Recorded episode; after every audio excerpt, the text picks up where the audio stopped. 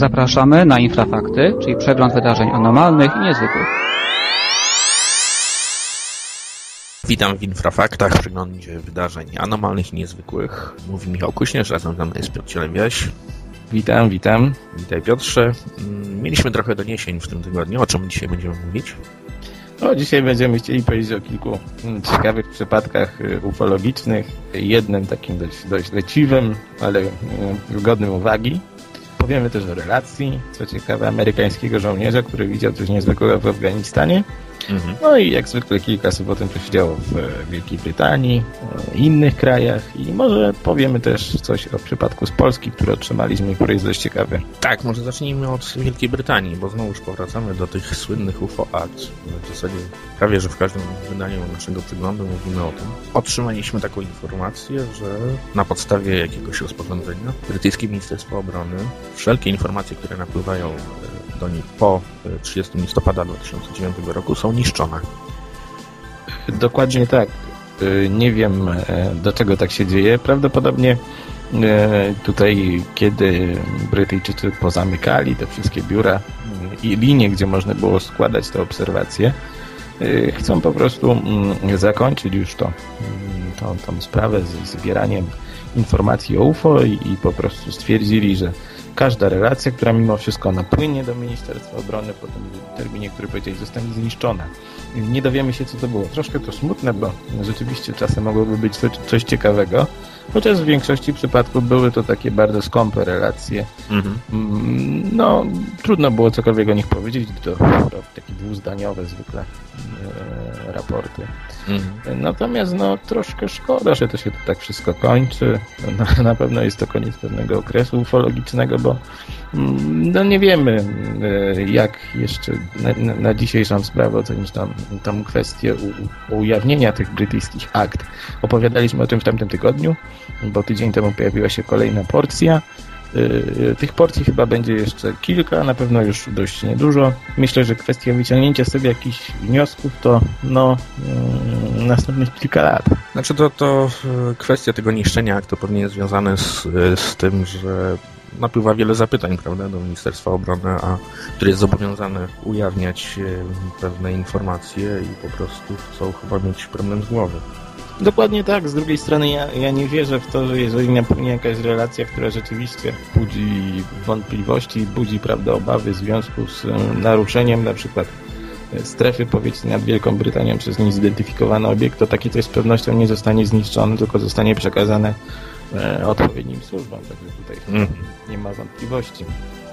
Tak, to może przejdźmy do tego, o czym wspomniałeś, czyli obserwacji e, w Bagram, w bazie Bagram w Afganistanie. Taka relacja napłynęła od jednego z amerykańskich żołnierzy stacjonujących tam.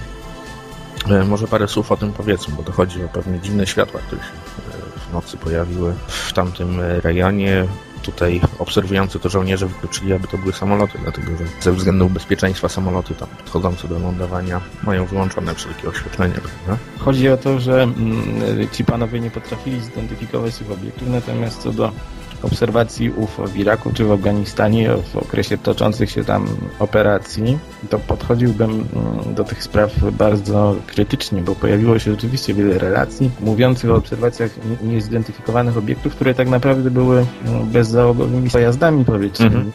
przeznaczenia wojskowego. No, no, no w tym przypadku nie wiem, czy tak było, ale równie dobrze mogła być to obserwacja y, świateł prawda, no, obiektów może już nie tak skomplikowanych i nie tak zaawansowanych, należących do, do talibów. Czyli, bo tak naprawdę ten pan nie był pewien, jak to wyglądało. Mogła być to po prostu tocząca się gdzieś tam mm, jakaś operacja. Wątpię, czy tak było z drugiej strony, ale wszystko jest przecież możliwe. Ale relacja ciekawa, jeżeli by no, pojawiły się nowe fakty, to, to je zaprezentujemy, bo takie sprawy są ciekawe. Ja mam nadzieję, że kiedyś poruszymy inną ważną kwestię, która ciągle się tam gdzieś rozgrywa w Ameryce, czyli y, sprawa obserwacji niezidentyfikowanych obiektów nad miejscami y, przechowywania broni jądrowej.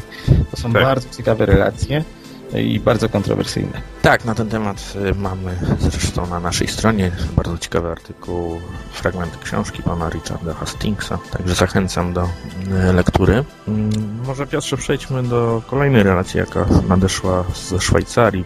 Chodzi o wydarzenie z 13 lutego, kiedy to pewna kobieta y, w miejscowości Muras zaobserwowała cztery takie świetliste, jakby jak to określiło, diamentowe obiekty. Wykonała fotografii, niestety jeszcze ich nie otrzymaliśmy, ale myślę, że w ciągu najbliższych dni otrzymamy i wtedy umieścimy u nas na forum.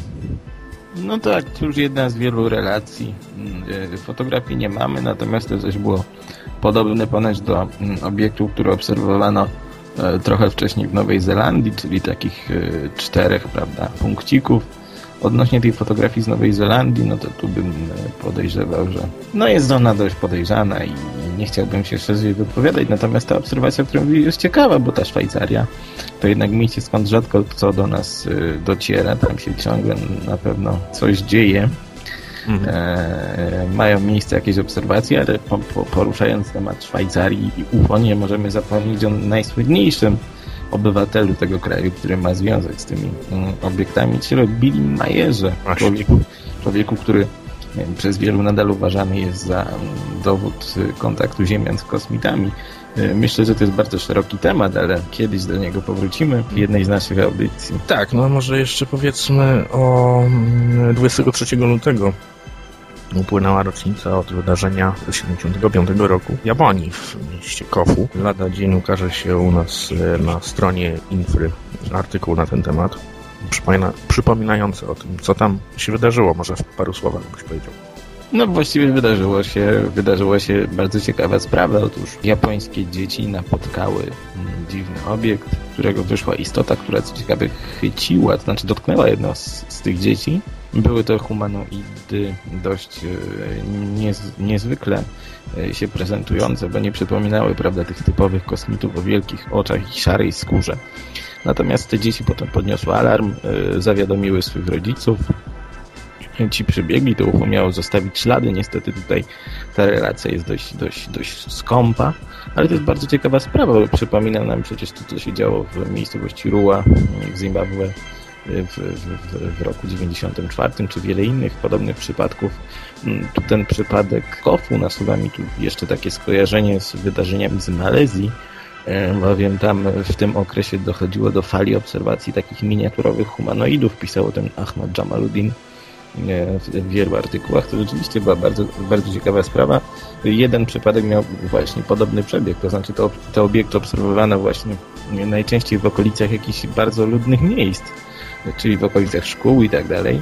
I właśnie tam e, również miał miejsce, pamiętam jeden przypadek, gdzie uczniowie szkoły malezyjskiej również próbowały schwytać taką istotę, takiego małego humanoida, on tam coś im zrobił, wystrzelił jakiś promień i ten chłopiec został sparaliżowany, tak samo jak ten, ten mały Japończyk z Kofu. No właśnie. E, tak, także zachęcam do przeczytania artykułu, który ukaże się w najbliższym tygodniu. Piotrze, na początku wspomniałeś o tych relacjach, które otrzymaliśmy z Polski. Tutaj nie chcemy na razie mm, e, zbyt dużo o tym mówić, dlatego że sami nie mamy wystarczająco dużo informacji na ten temat. Natomiast byśmy mm, chcieli zaapelować do osób, które e, w okolicach 10-11 lutego tego roku coś ciekawego widziały, szczególnie chodzi o obserwacje z rejonu Piotrkowa. Polski, Polski Centralnej, tak, raczej.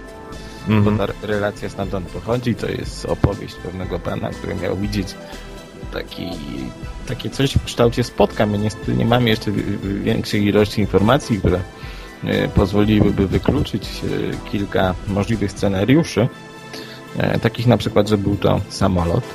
Natomiast czekamy na to, tą relację. Ona jest ciekawa z tego względu, że ten obiekt rzeczywiście był dość nisko, posiadał taki niezwykły wygląd. Przypomina mi się historia sprzed bodajże dwóch lat, kiedy fala obserwacji dziwnych obiektów przetoczyła się przez Łódź.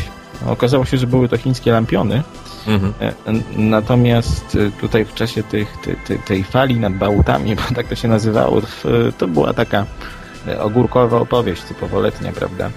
E, Nikt już o tym nie pamięta, natomiast wtedy napłynął do nas jeszcze e, bardzo ciekawy przypadek ze Zgierza, pamiętam. Pewna pani podczas obserwacji, no nie, nie pamiętam w jakich to już okolicznościach było, natomiast znajdowała się na balkonie i e, dostrzegła mm, przelot bardzo nisko, prawda, obiektu w kształcie dysku, potem do nas napisała, no niestety też do końca nie wiemy, co to mogło być, no ale czekamy, może ktoś się zgłosi, może ktoś widział coś podobnego. No Tak jest, tylko powiem, że ten 10 luty to też jest taka data, wokół której już się koncentrują trzy albo cztery relacje, jakie otrzymaliśmy. Część została opisana e, między innymi przez Arka Miazgę. E, Chodzi o relacje z Rzeszowa. Być może znajdziemy jakieś powiązanie pomiędzy tymi doniesieniami. Ja przypomnę nasz adres e-mail, to jest infra małpa epoczta.pl Także zachęcam do pisania, jeśli ktoś widział cokolwiek e, dziwnego, czego nie potrafił sobie wytłumaczyć. Piotrze, jeszcze coś chciałeś dodać? No ja wiem, raczej nie, no myślę, że e, minęła tutaj jeszcze kolejna rocznica tajemniczego wydarzenia, jakim były zajście w, doli, w przełęczy Diatłowa. Zachęcam wszystkich do zapoznania się z tym przypadkiem. My planujemy ciekawy artykuł znowu na ten temat I audycję być w może. najbliższych, tak, w najbliższych dniach. Także zachęcam wszystkich. No i za, zapraszam jeszcze na forum. Tam, tam się można również dość dużo dowiedzieć na temat zjawiska UFO. No i podzielić się swoją opinią. Tak jest e, www.infra.org.pl Tam znajdziecie również odnośnik do naszego forum. Zachęcam do czytania i do słuchania naszych audycji, które zawsze w sobotę i niedzielę w Radiu Wolne Media o godzinie 20 mają miejsce. Także dzięki Piotrze. Ja również dziękuję. Zapraszam za tydzień. Wysłuchaliście programu Michała Kośnierza i Piotra Cielebiasia, realizacja Grupa Infra dla Radia Wolne Media.